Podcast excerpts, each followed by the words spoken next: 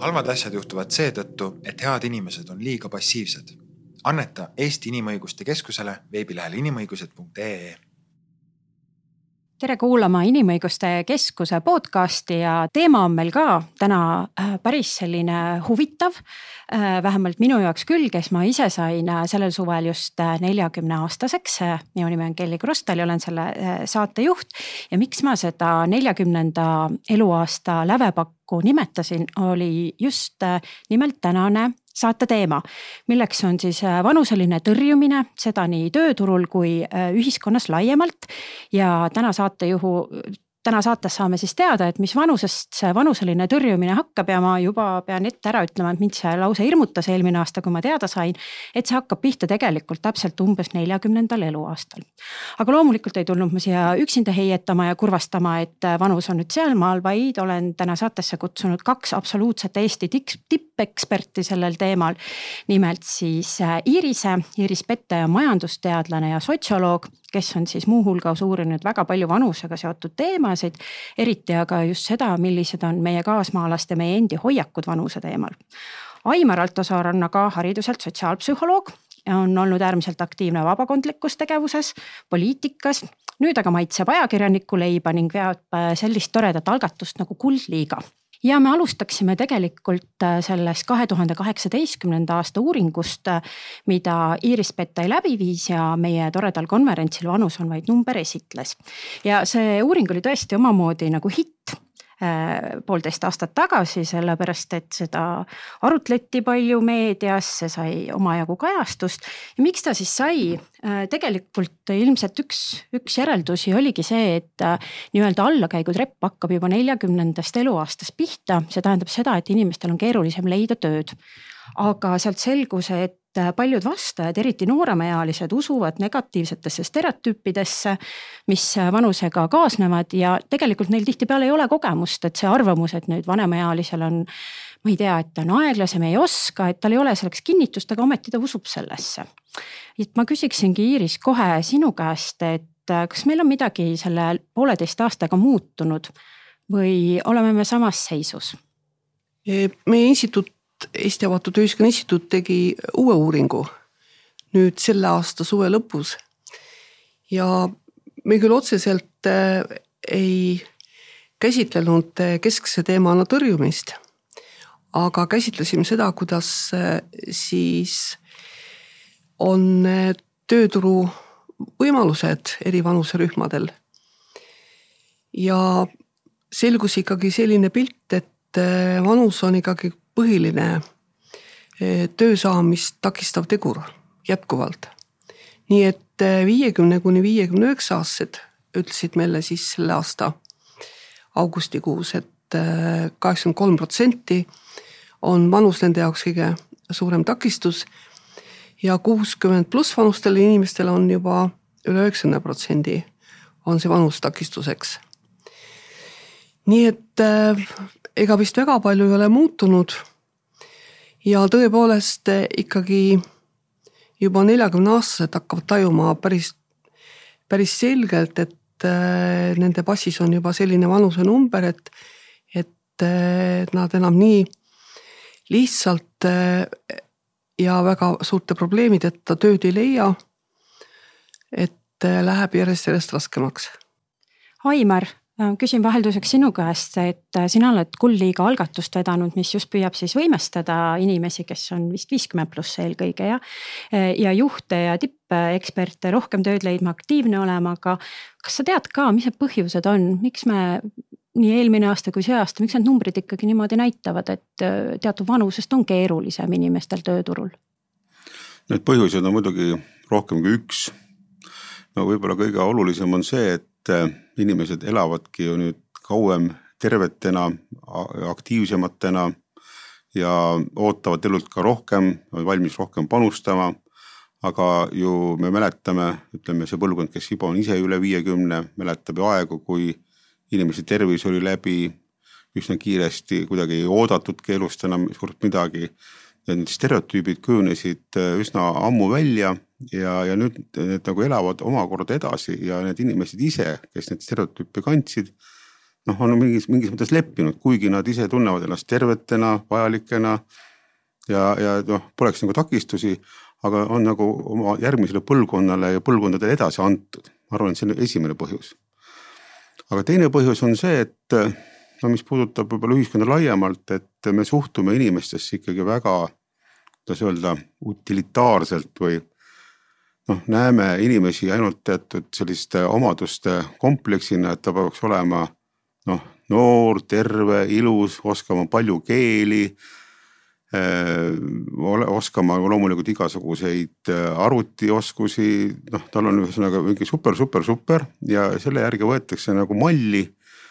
unustades ära, et tegelikult enamikku töid, ma arvan, üheksakümmend üheksa koma üheksa protsenti töid on sellised, kus ei ole vaja noh, teha, äh, olla nagu kolmekümne viie aastane parimas vormis olümpiavõitja või noh, näha välja nagu Nevada osariigi miss Ameerikas, et nende asjadega saavad hakkama ka kõik ülejäänud inimesed. kui me lihtsalt õpiksime inimesi nägema ja mõistma ja, ja paigutama inimesi just nendesse rollidesse, kus nad on kõige paremad. et me nagu ei taha kuulata, me tahame lihtsalt panna maatriksisse mingeid ühikuid ja need oleksid võimalikult nagu nii-öelda standardsed ühikud.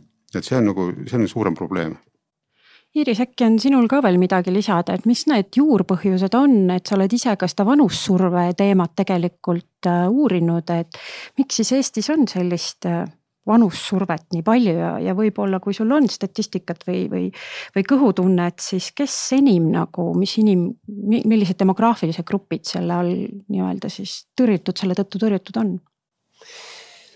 no põhiprobleemid tekivad siis, kui vanusele lisandub veel rahvus.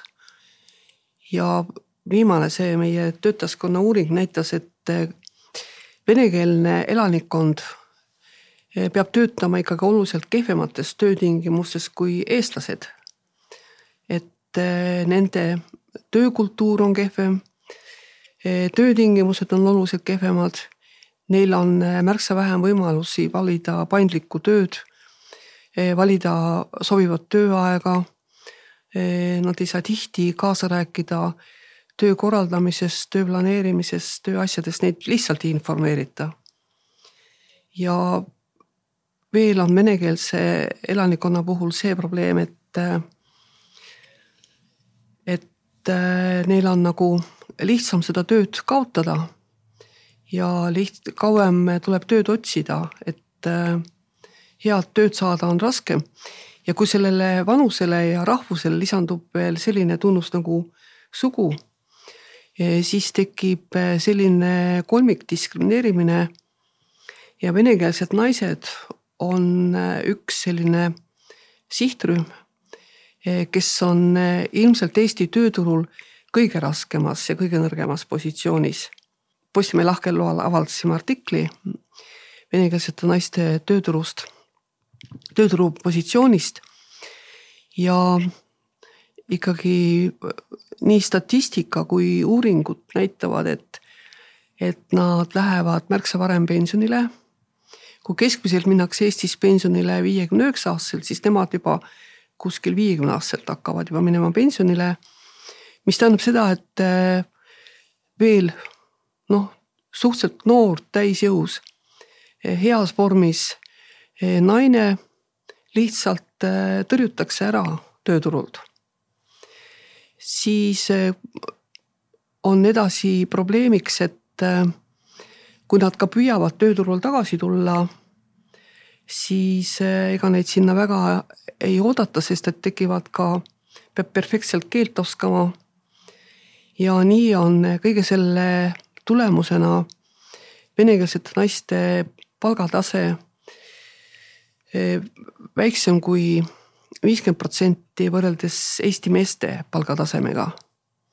nii et selline on siis näiteks rahvuse ja soo pinnal sellise tõrjumise tulemused siin tahaks kohe parat-, paratamatult küsida, et kes need tööturu võitjad siis on, et kui juba neljakümnendast eluaastast hakkab, on keeruline tööturul, kui meil on ju väga suur venekeelne elanikkond, et kas te juhuslikult teate, kellel siis tööturul on, on hea olla, kui nii paljudel tegelikult, kui ma mõtlen seda Eesti demograafilist ja rahvuslikku proportsiooni, et.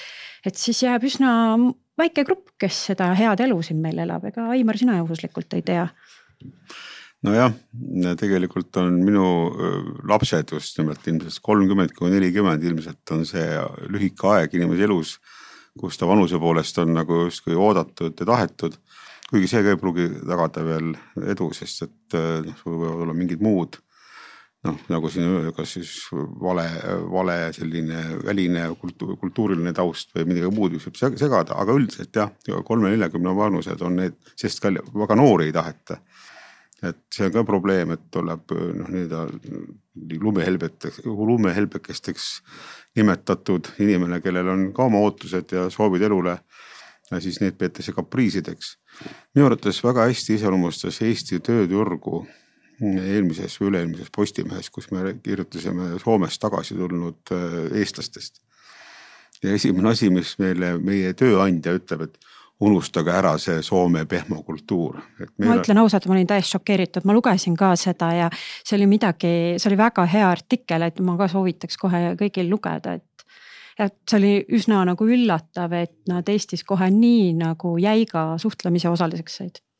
mul on üks eh, päris hea tuttav, nüüd töötab Soomes üks meditsiiniõde. ja siis oli nii, et eh, ta oli venelanna kolm last ja, ja väiksed ja ta ei saanud nagu Soome minna ja ei osanud eesti keelt, eesti keelt valdas, aga, aga soome keelt peaaegu üldse mitte.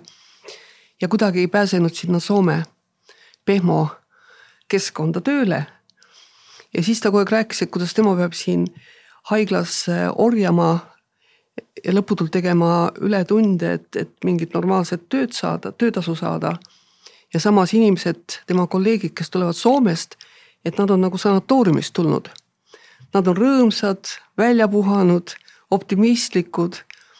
ja siin siis eh, Eestis eh, võtsid neid vastu siis ära kurnatud ja tülpinud ja hambad ristis tööd tegevad medõed, et mul on tema see kirjeldus väga hästi meeles, aga nüüd on ta Soomes rõõmsasti. ja saab seal oma korteriliisinguid ja autoliisinguid tasuda ja nii edasi.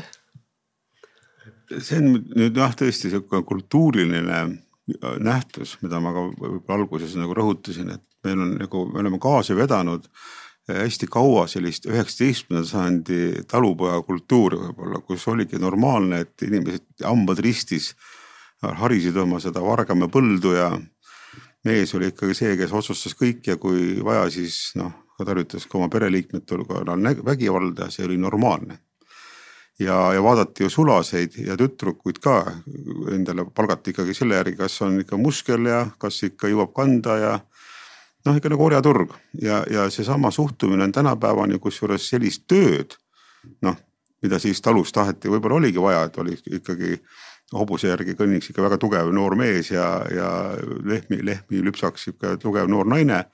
tänapäeval selliseid töid enam ei olegi praktiliselt ja aga see hoiak, et, et ikkagi hambad ristis ja peab olema tugev ja terve ja, ja võimalikult nii-öelda las-, alandlikult kuulav, ülemust kuulav. et see hoiak on kahjuks meie juhtimiskultuuris alles no vot, oleks Andres Pehmo olnud, oleks võib-olla lapsed koju jäänud ja teist-kolmandat ja nii edasi Tõe ja õiguse osa poleks äh, Tammsaarel kirjutadagi, kirjutadagi saanud. aga siit edasi äh, ma küsiks seda, ma just ise märkasin eile Siivi keskuses sellist äh, töökuulutust, kus siis üks puhastusfirma müüb ennast ja oli sinna pandud silti, et meie juures saavad tööd ka viiskümmend pluss inimesed ehk siis justkui see viitas sellele, et kuskil mujal nad eriti ei saa. ja ma nagu tükk aega ise mõtlesin, et kas see on nüüd positiivne nähtus või on sellel ikkagi mingi negatiivne konnotatsioon ka juures. et justkui see paistab sealt tõepoolest silma, et meie võtame tööle viiskümmend pluss äh, inimesi, aga teistpidi see oleks justkui selline tõesti näide, et tööandjatel on siis viiskümmend pluss inimestega probleemi, kui ma pean kohe eraldi rõhutama, et aga vot meie oleme see üks vähestest, kes äh, neid äh, viiskümmend pluss inimesi tööle võtavad. ja seetõttu ma tahakski võib-olla tulla selle tööandjate teema juurde, kui te lubate, et mis need siis suurimad takistused on, et miks meie need töökeskkonnad on sellised tihtipeale vanuseliselt väga ühekülgsed? et kas see võti on tööandjates? kindlasti, me tegime eelmisel aastal ka tööandjate uuringu ja küsitlesime viissada kaheksateist tööandjat, mis oli üsna esinduslik ja usaldusväärne uuring. Ja sealt selgub, et, et see praegune meeletu tööjõupuudus on ikkagi mõjutanud äh, tööandjate suhtumist nii et, kaheksakümmend seitse protsenti nendest võtab viiskümmend pluss vanuses inimesi tööle. ja ainult kümnel protsendil, igal kümnendal on siis vanusepiirangud. nii et äh, tegelikult äh, nagu eh, peetakse vajalikuks viiskümmend plussi rakendada. Aga samas näiteks spetsiaalset tööaega ja töökohti on kohandanud ainult kolmkümmend kaheksa protsenti viiskümmend pluss vanustele. aga mis selgus nagu sellest uuringust, et need tööandjad jagunevad eh, kolme täiesti selgesse tüüpi või gruppi suhtumiselt siis viiskümmend pluss tööjõusse et neid, kelle jaoks, kes väärtustavad viiskümmend pluss inimesi. Ja kes siis eh, suudavad neile kohanduda, nende vajadustega arvestada ja, ja kus see viiskümmend pluss inimene on igati võrdväärne, oodatud. Neid on siis kakskümmend kuus protsenti, iga neljas tööandja keskmiselt. Nemad peavad seda tööjõudu siis oluliseks, nad on loonud siis eh, tingimused, kus see viiskümmend pluss tuleb siis meelsasti tööle ja tunneb ennast seal hästi.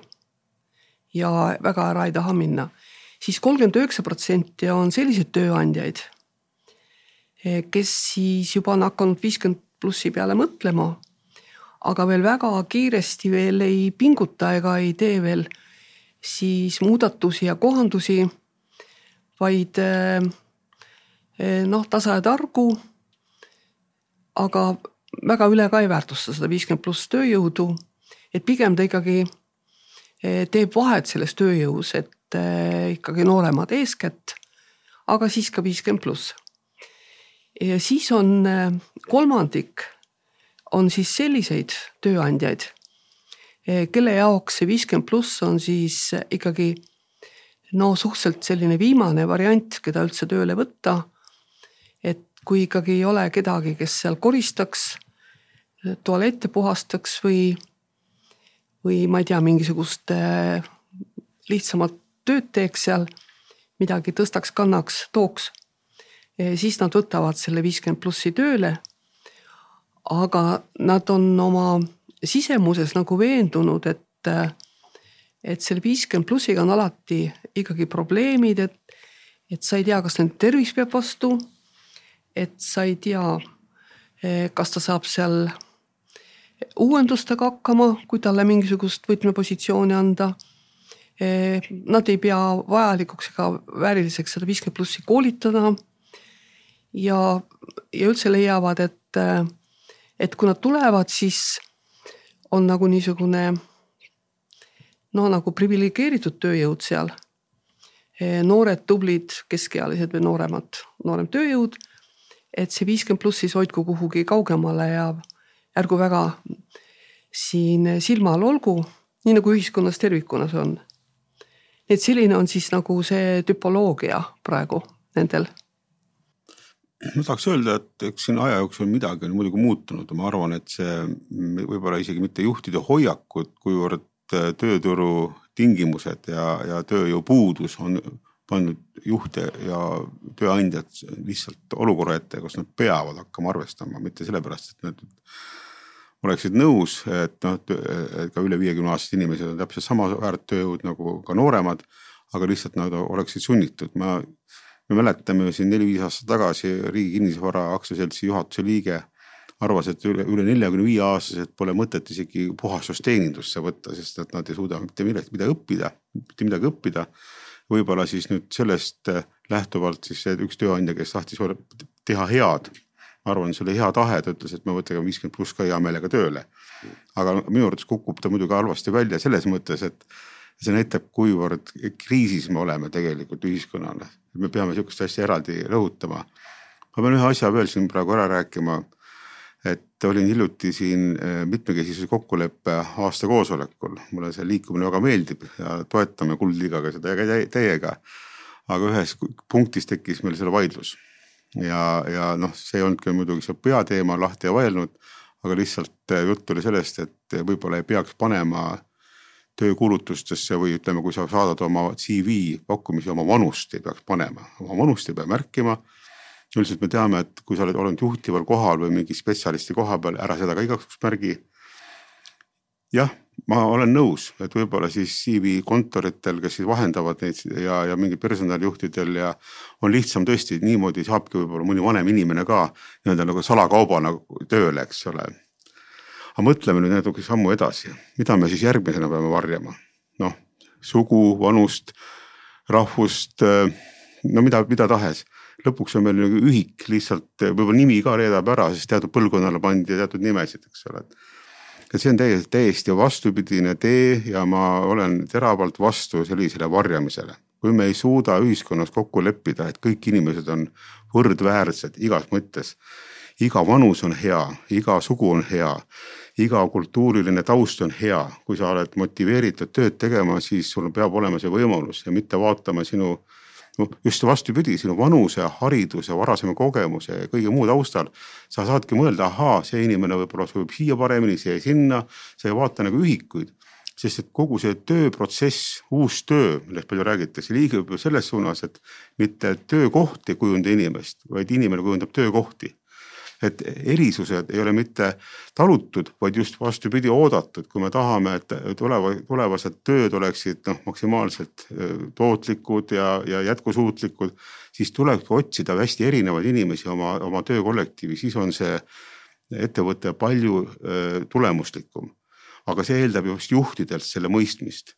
vot see on nüüd üks suur, suur nagu lõtk, kus me nagu näeme, et areng on väga, noh väga aeglane, et jah elu sunnib küll, et ma siis hambad ristis võtan selle vanema inimese tööle. aga, aga nende inimeste tegelikke võimalusi oskusi, no mitte ainult viiskümmend pluss, ka nelikümmend miinus või kolmkümmend pluss, ükskõik, kõigil inimestel oma, oma omaduste komplekt. miks me neid ei arvesta siis? miks me, miks me paneme pahaks ühe komplekti ja teise komplekti nagu ülis, ülistame üle, et, et vot siin on see inimese taju teema. mina ei pahandaks selle puhastusfirmaga et eh, tal ilmselt ei ole tööjõudu. ja tal, vot Aimar, lähed sinna oma midagi ülikonda viima puhastada, polegi kedagi, kes seda teeks, seda tööd. ja järelikult, kuna ta tajub, et, et viiskümmend pluss inimene võiks seal töötada täiesti vabalt, aga nad võib-olla ei söanda tulla ennast pakkuma. Eh, sellepärast, et eh, neil on igal pool seal võib-olla ei öeldud ja ja nad ei tea, kui häid ja paindlikke tingimusi võib-olla see puhastusfirma pakub. nii et mina arvan, et, et see firma käitub igati normaalselt ja, ja mulle meeldis ka näiteks ka see Rimi, see reklaam viiskümmend pluss inimestele, et eh, Viimsis on üks Rimi ja ega seal ongi kuskil selles vanuses vist põhi, põhiseltskond, kes seal töötab, et, et eh, miks mitte julgustada seda seda segmenti, kes, kes võiks sulle tulla. Postimees näiteks ka. Teil on niisugused vanuselised ajakirjad väga head. üks on näiteks see kuuskümmend pluss, eks ole. ja siis on noortele. juunior, juunior. ja ma kogu aeg kuulen reklaami, et, et kuidas noored ostke ja vanemad ka seal, vaata leiate oma teema jaoks neid, neid huvitavaid asju seal nii et äh, kui me selle nagu ära lõpetame, siis äh, äh, ma arvan, et see oleks nagu viga, et, et see sihtrühm tuleb ikka üles leida, et. Ma ei ole sinuga, ei vaidle sinuga üldse vastu, ma tahan lihtsalt öelda seda, et loomulikult turunduslikult tulebki osa kaupu mõeldud noorematele, osa vanematele, see on väga, väga normaalne, osa töökohti ka sa suunadki.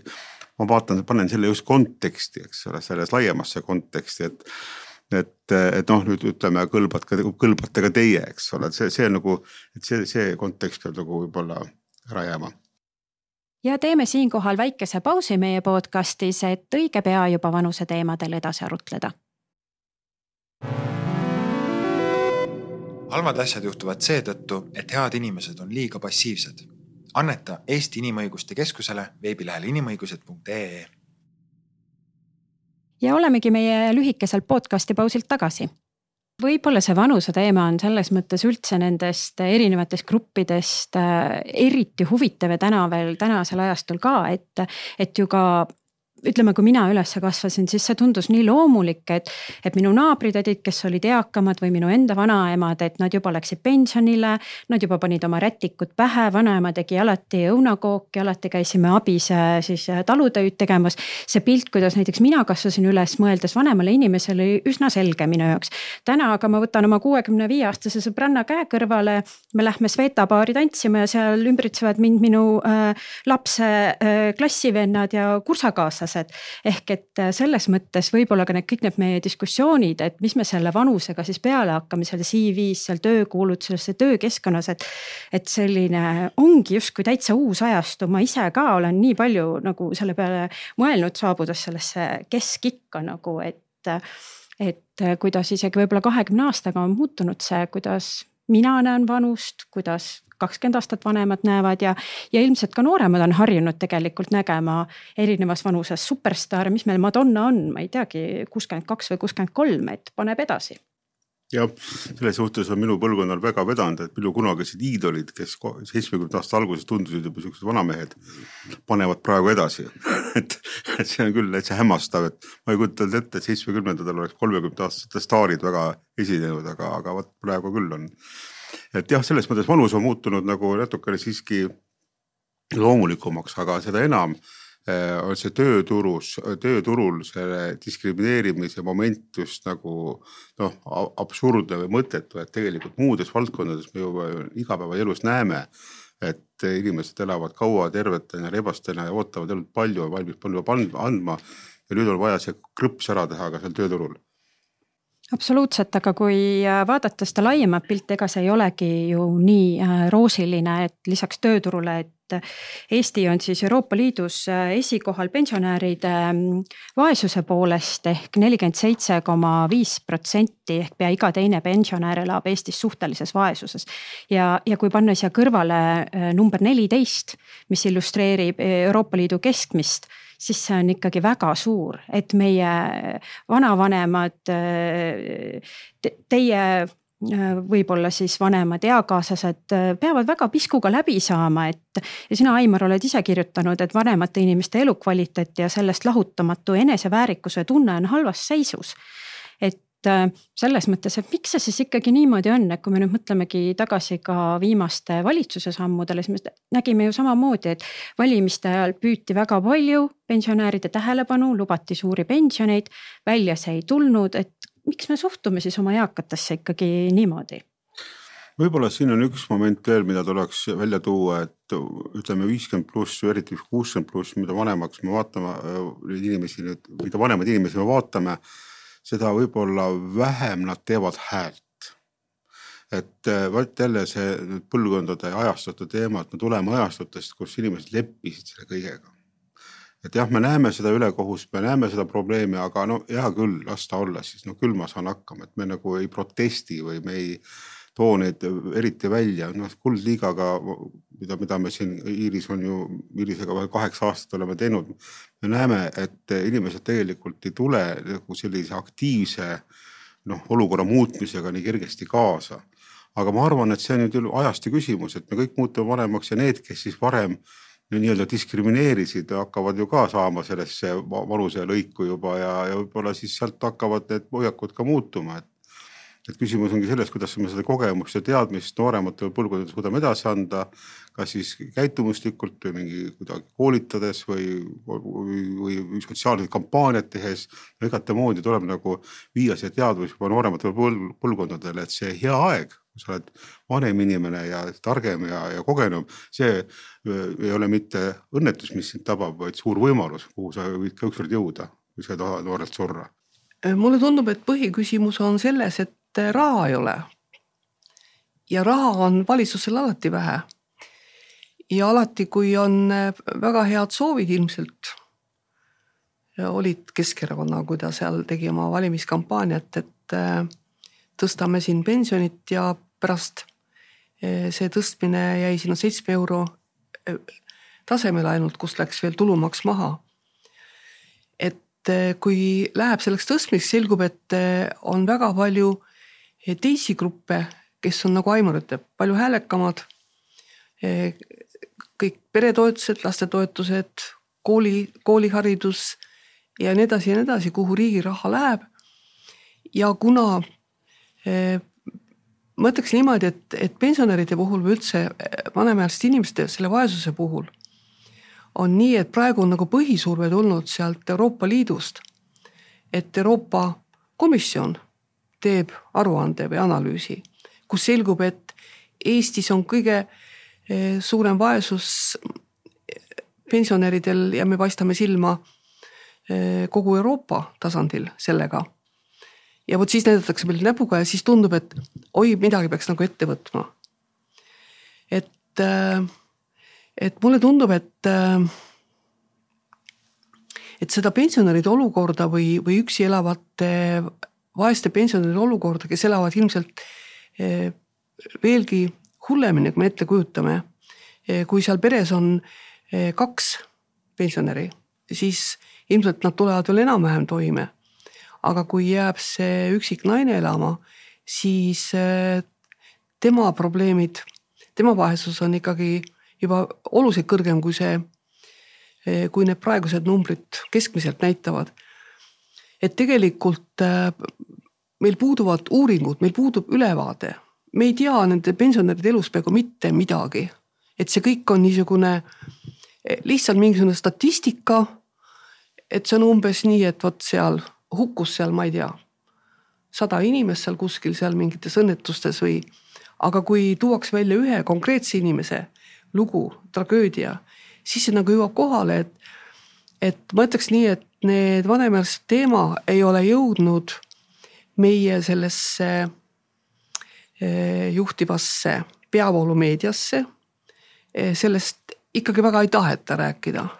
et need inimesed ei ole, ei ole ikkagi väga atraktiivsed või nad tunduvad, et nad ei ole ühiskonnale olulised, et sinna ainult pane ja pane seda raha lõpmatult. ja mis ühiskond sellest kasu siis saab?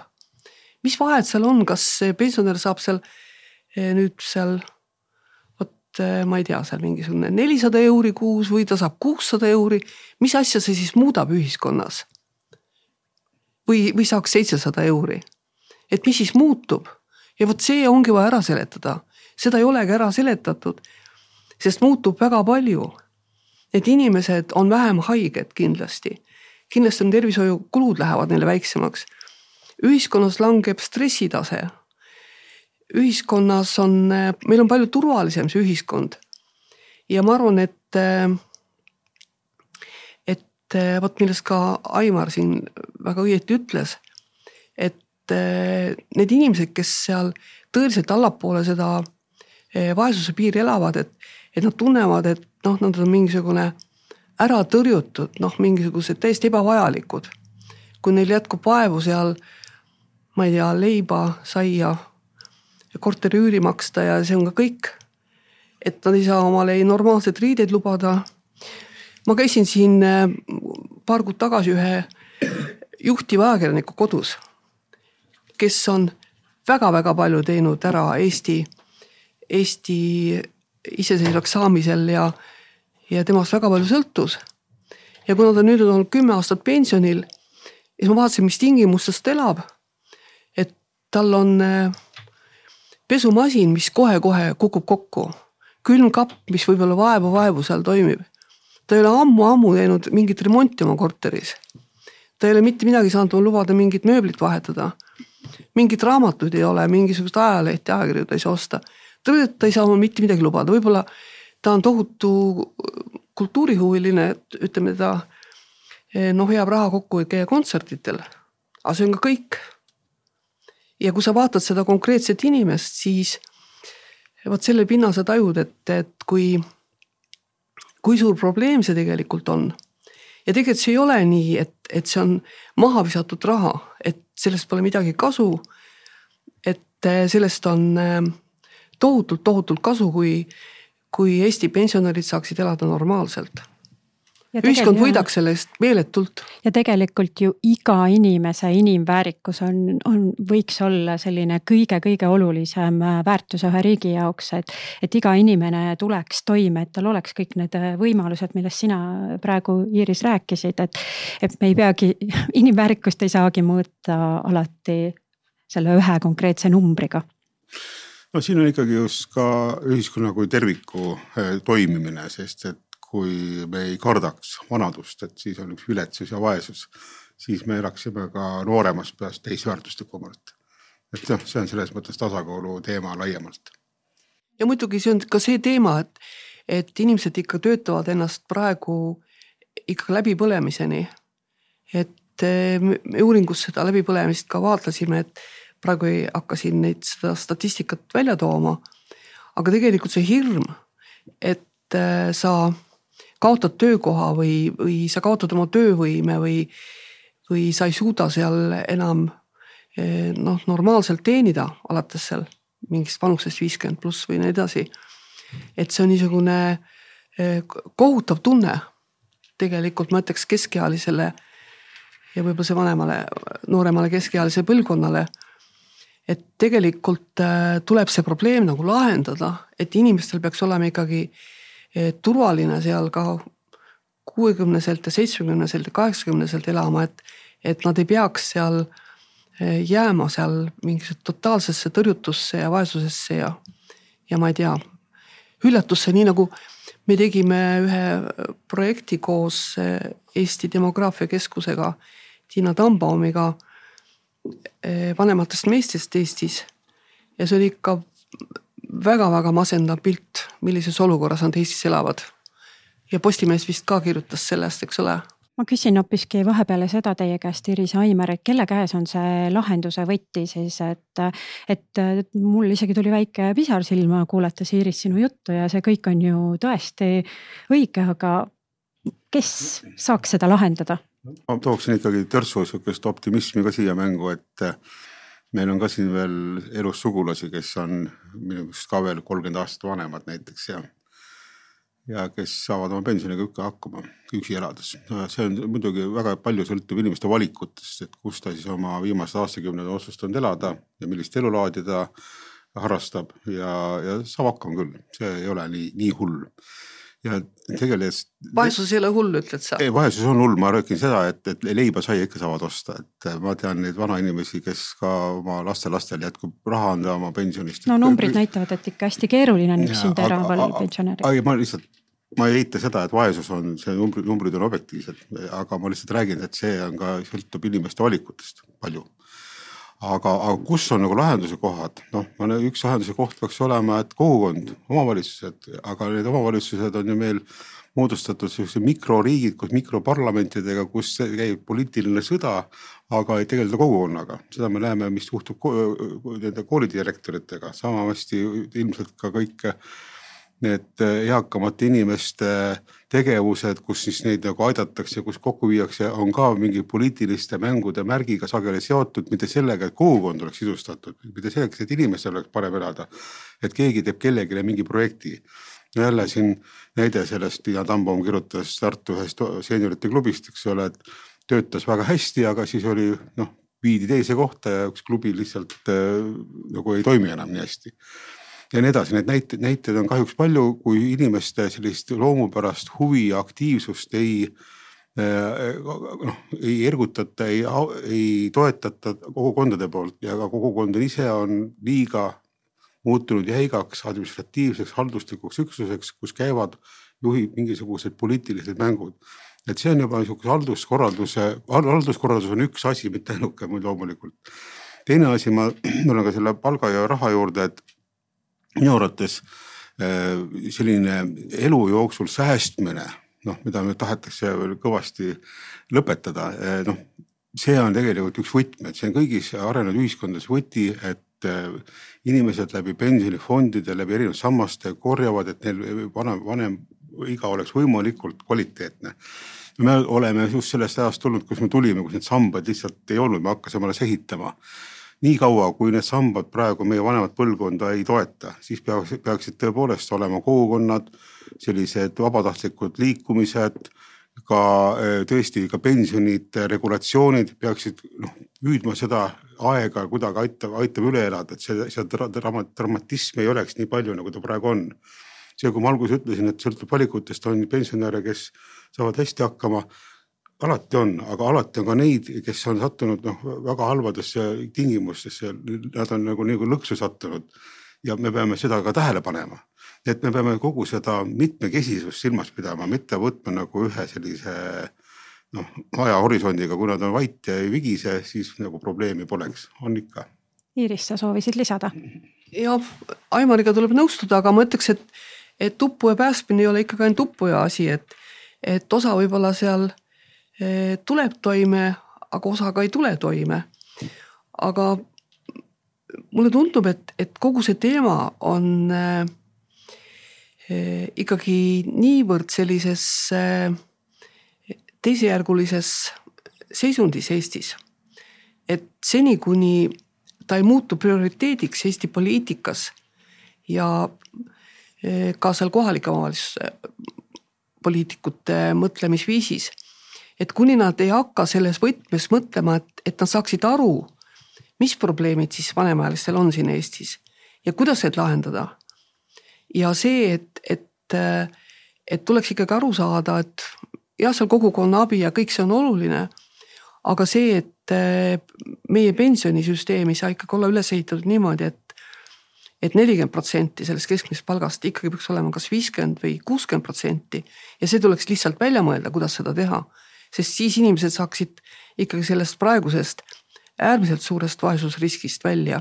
kaua see Eesti siis on seal Euroopa kõige, kõige vaesem pensionite vaesuse poolest, et, et, et ühesõnaga siin. Äh, jah, et saaks vähemalt siis Euroopa viieteistkümne rikkama hulkagi pensionitega või ja, väike samm kus, edasi. kuskilgi, kuskilgi mingi, mingi samm edasi.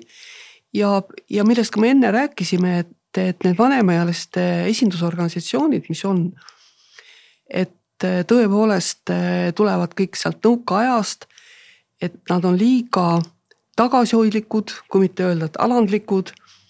et nad ei julge nagu tulla eh, kärkima ja paukuma. mina ootasin kogu aeg, kui see Euroopa Komisjon selle aasta alguses tuli välja selle pensionäride vaesusega, et no nüüd pensionäride liidu ühendus Andres Ergma võtab teravalt sõna või, või keegi teine. Mitte midagi, mitte keegi, kõik on rahul, on vaesed, no ja siis hea, kui niigi palju on. anti natuke pensioni juurde, aitäh valitsusele, et täname, et kannatame edasi. ja tegelikult eh, ma ütleks, et see alandlikkus on siin täiesti vale positsioon. sest et eh, kui esindusorganisatsioonid on sellised tagasihoidlikud, alandlikud, siis tundub, et, et noh, ongi kõik korras, polegi probleemi. Aga tegelikult nemad peaks rääkima, kuidas asjad tegelikult on. et asjad on ikkagi üsna ja päris halvasti. Ja nemad peaks seisma ja avama neid, eh, kõiki neid olukordi, milles need pensionärid elavad, et, et eh, ju siis ikkagi ei ole neil piisavalt seal võib-olla uuringuid, statistikat, nõu-, nõustajaid, konsultante, ma ei tea, mis, mis seal peaks olema, et, et, et need esindusorganisatsioonid oleksid ikkagi, nad lähevad peaministriga kohtuma ja siis ikkagi oleks sellel mingi tulemus või lähevad sotsiaalministriga või ma ei tea kellega. sa juhatasid äh, nii kenasti oma selle mõttearendusega sisse minu ühe küsimuse, mida ma nii tahan teie käest äh, küsida ja see puudutab just äh, natuke seda aktiivsust ja et ühtepidi siis, kui eakad inimesed on võib-olla oma õiguste eest seismisel natuke passiivsed või võiksid olla vähemalt aktiivsed, siis me oleme siin viimastel aastatel näinud ikkagi noorte inimeste väga jõulist ja julget äh, sellist tänavale tulekut lausa, ma pean silmas näiteks kliimastreike või siis ka näiteks seksuaalvähemuste teemadel on väga julgelt äh, sõna võetud, samamoodi tänavale tuldud. õigusriigi demokraatia kaitsele, et noored on justkui väga ärksad ja julgevad rääkida, kirjutada oma seisukohti jagada ja et ma tahaks teie käest nii teada, et eriti kuna te olete psühholoog ja sotsioloog, põhimõtteliselt oleks meil siin veel antropoloog ka, siis meil oleks inimeste asjatundjate perfektne kolmik siin et kas see on mingis mõttes siis paratamatu, et alati natukene võib-olla valitseb selline pinge eh, erinevate põlvkondade vahel, et kui me isegi mõtleme näiteks Kaja Kallase või Jüri Ratase toetajate peale, siis need on ju täiesti erinevatest elukaarte otstest. ja, ja eks siis ongi Eestis ka olnud, et vahepeal Reformierakond juhtimas, nüüd Keskerakond. et kas see on paratamatu? Kas see võiks olla nii, et Jüri Ratase taga oleks üsna võrdselt äh, kahekümneseid, neljakümneseid, kuuekümneseid, seitsmekümneseid ja kliimamarsile läheksid seitsmekümnesed ja neljakümnesed, et LGBT õiguste eest läheksime meie kahekesi näiteks Aimar Marss. just, mulle väga silmatorkav oli, äh, kui analüüsiti äh, Brexiti või Briti parlamendi valimistulemusi ja, ja seal nüüd äh, hävitavalt kaotuse saanud selle Corbyni, Labourite juhi Corbyni taga väidetavalt ongi nooremat põlvkonda. ja ma ei, ma ei tunne nüüd seda Inglismaad nii hästi, aga paneb väga mõtlema, sest Corbyn minu teada on ise üle seitsmekümne vist juba jah et eh, vot see on niisugune vaba ühiskond, vabaduses kasvanud inimestel noh, sellised impulsid käivad nagu hoopis loogilisi teid pidi, mitte nagu ealiste iseärasust pidi, et seal on nagu nooremad on seal ka ilmselt kliimaaktivistid ja sihukeste vähemuste ja kõigi õiguste eest võitlejad, nad peavad seda loomulikuks. ja kuna Korbin seda nagu eh, noh kulutanud, siis leidsid, leidsid üksteist. aga meil on paraku see põlvkond noh, nii-öelda ma igaks juhuks ütlen, et Corbyn ei ole minu lemmik kindlasti et, et ei tekiks arusaamatu, aga ma lihtsalt räägin seda fenomeni lihtsalt noored ja kuidas ja Sandersiga oli ju Ameerika Ühendriikides täpselt sama. aga, aga meil on ikkagi arvestades seda, et, et kuuekümnendatel, kui radikaliseerus tolleaegne noor, noorsugu ja eks Eestiski oli üht-teist, eks ole, aga mäletate, mis siis juhtus, eks see põlvkond ikka lülitati üsna välja, õnneks osa neist tuli pärast Eesti Vabariigi taastamisega kaasa.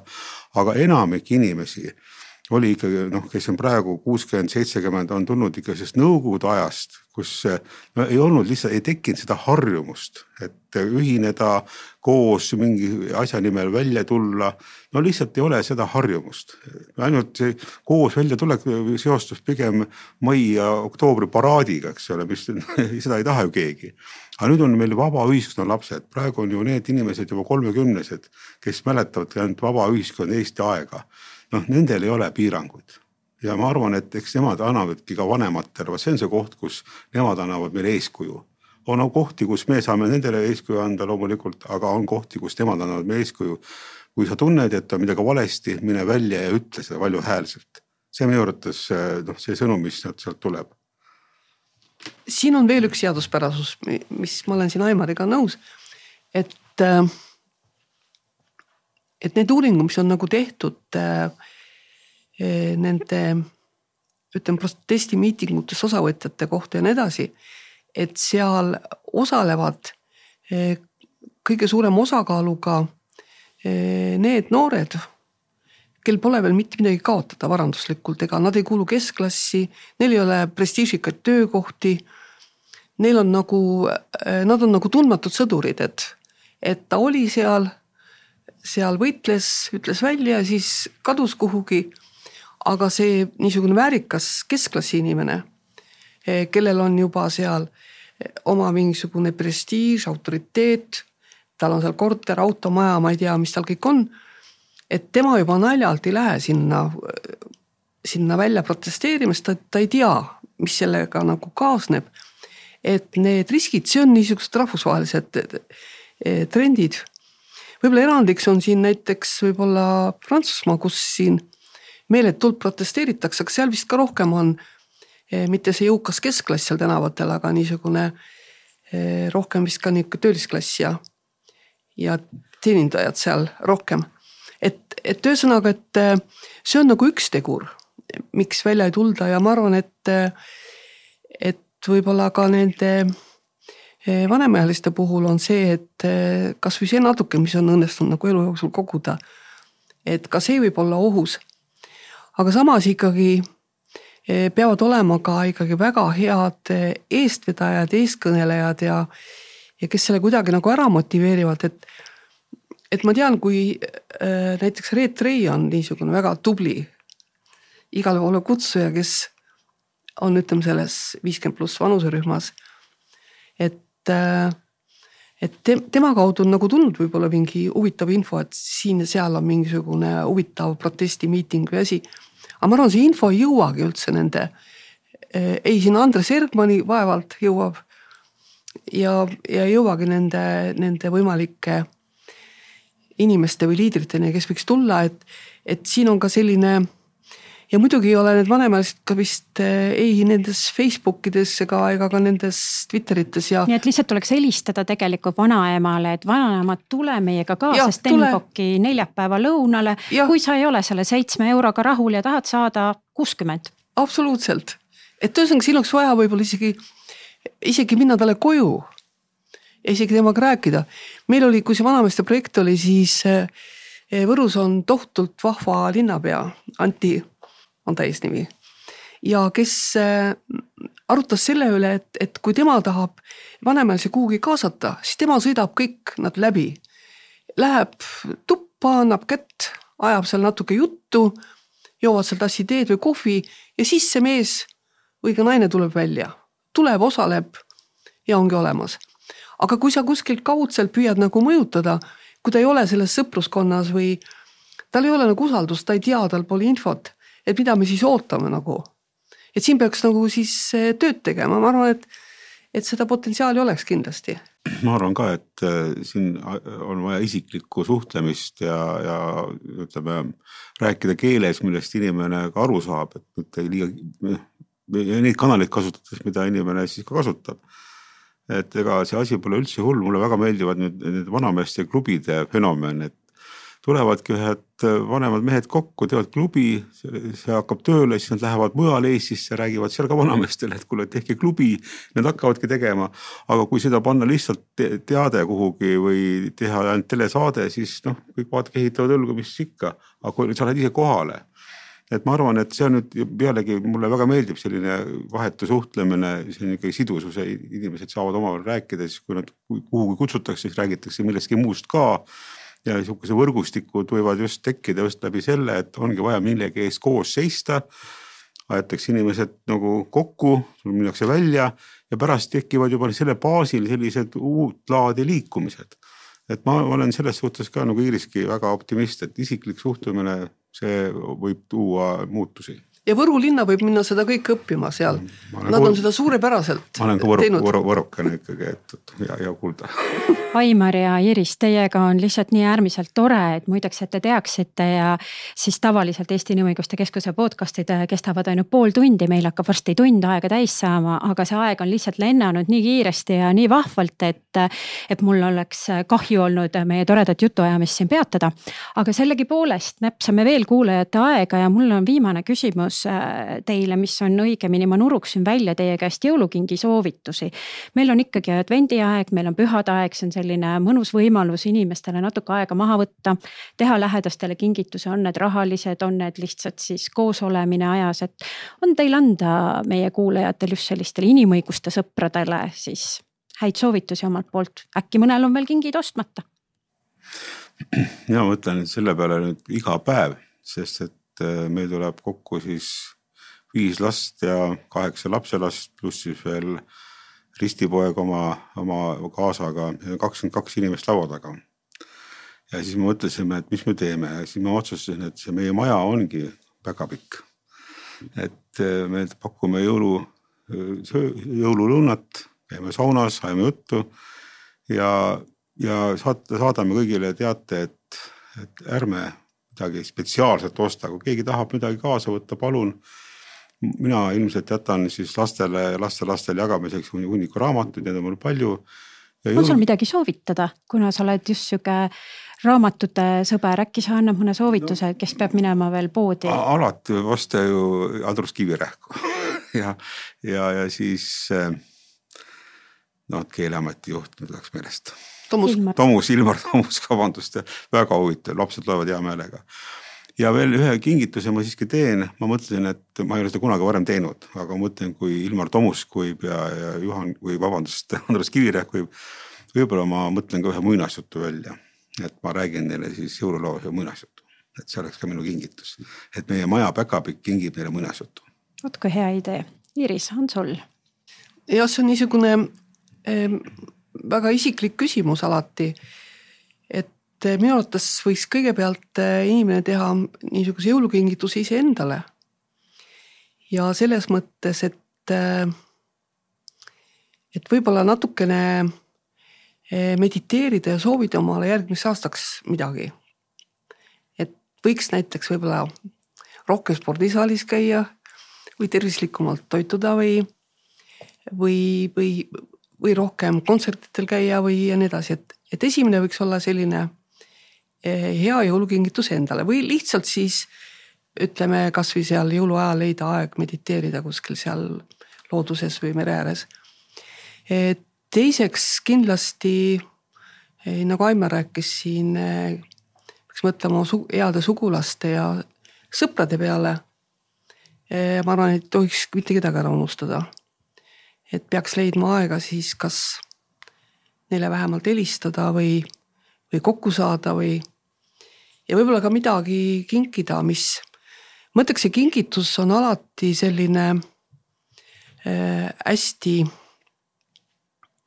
hästi keeruline, et ma täna hommikul kuulasin äh, üks äh, raadiosaade oli, kus küsiti, et millised on kõige õudsemad jõulukingitused, mida naistele kingitakse ja esikohal oli siis eh, eh, näokortse pingutav kreem, aga mis on teisel kohal siis? ja siis läks väga pikalt-pikalt ja lõpuks üks naine pakkus, et, et tema mees kinkis talle eelmise jõuludeks kaalu. et see oli nagu teine niisugune kohutava kingituse variant. et siin peaks nagu tajuma, et, et see eh, kingitus noh, tõesti sellele inimesele oleks nagu vajalik, et ja üldse inimesed, kes oskavad kinkida, et eh, kingitustes on muidugi niisugune vuti eh, teise inimese juurde, et sa ei vii talle mingisugust oma vana kommikarpi või küünalt või ma ei tea, mis sokipaari või. aga kolmandaks eh, ma ütleks, tuleks teha jõulukingitus nagu nendele, kes ei ole su sõbrad ega otsesed, otsesed sugulased, et kes võib-olla su majas või külas elavad, et, et võib-olla nende poolt läbi minna või, või helistada või. väga midagi, midagi sellist väga armsad soovid, mina annan enda poolt veel soovituse, eh, kui keegi mõtleb, et kes see kolmas grupp siis on, mida Iiris siin ütles, et kes pole otseselt võib-olla sõbrad või lähedused. aga mingil põhjusel meeldivad, siis Eesti Inimõiguste Keskusele võib ka annetada alati lehel humanrights.ee või inimõiguse.ee. et vanuse teemaga sobivalt Äh, on meil endiselt edasi käimas siis üks äh, vanuselise diskrimineerimise kohtuvaidlus, kus äh, me aitame Merike Kaunissaart Tartust, kes koges siis ähm, diskrimineerivat käitumist tööle kandideerimisel, et me küll kahjuks esimese astme kohtus kaotasime, aga tubli advokaadi abiga kaebasime selle edasi, sest meie näeme, et see on väga-väga oluline ka võib-olla teinekord kohtutee ette võtta, kui muud moodi enam hea sõnaga rahva, rahvavalgustusega ei saa, et, et vahel on kahjuks ka, ka see, see võimalus, läbi mille siis inimõigusi ja vanuselist kaitsta ja vanuselisele diskrimineerimise vastu hakata. Ma kuulsin saadet oli Vikerraadios oli äh, väga tublid olete, et. Merike Kaunissaarega oli intervjuu seal just. me tervitame Merikest kindlasti. ja tervitused Merikesele Tartusse ja, ja. ja teie keskusele. suur tänu ja kõikidele Eesti Inimõiguste Keskuse podcast'i kuulajatele ka. suur aitäh, et olete meiega nüüdseks juba kümme saadet olnud. sellega me lõpetame tänase saate, see sai palju pikem kui tavaliselt, aga ma loodan, et te nõustute minuga, et Iiris Pettai ja Aimar Alto Saarega oli see tund äärmiselt mõnus. ja soovin teile ka omalt poolt kaunist pühade aega halvad asjad juhtuvad seetõttu, et head inimesed on liiga passiivsed. anneta Eesti Inimõiguste Keskusele veebilehel inimõigused.ee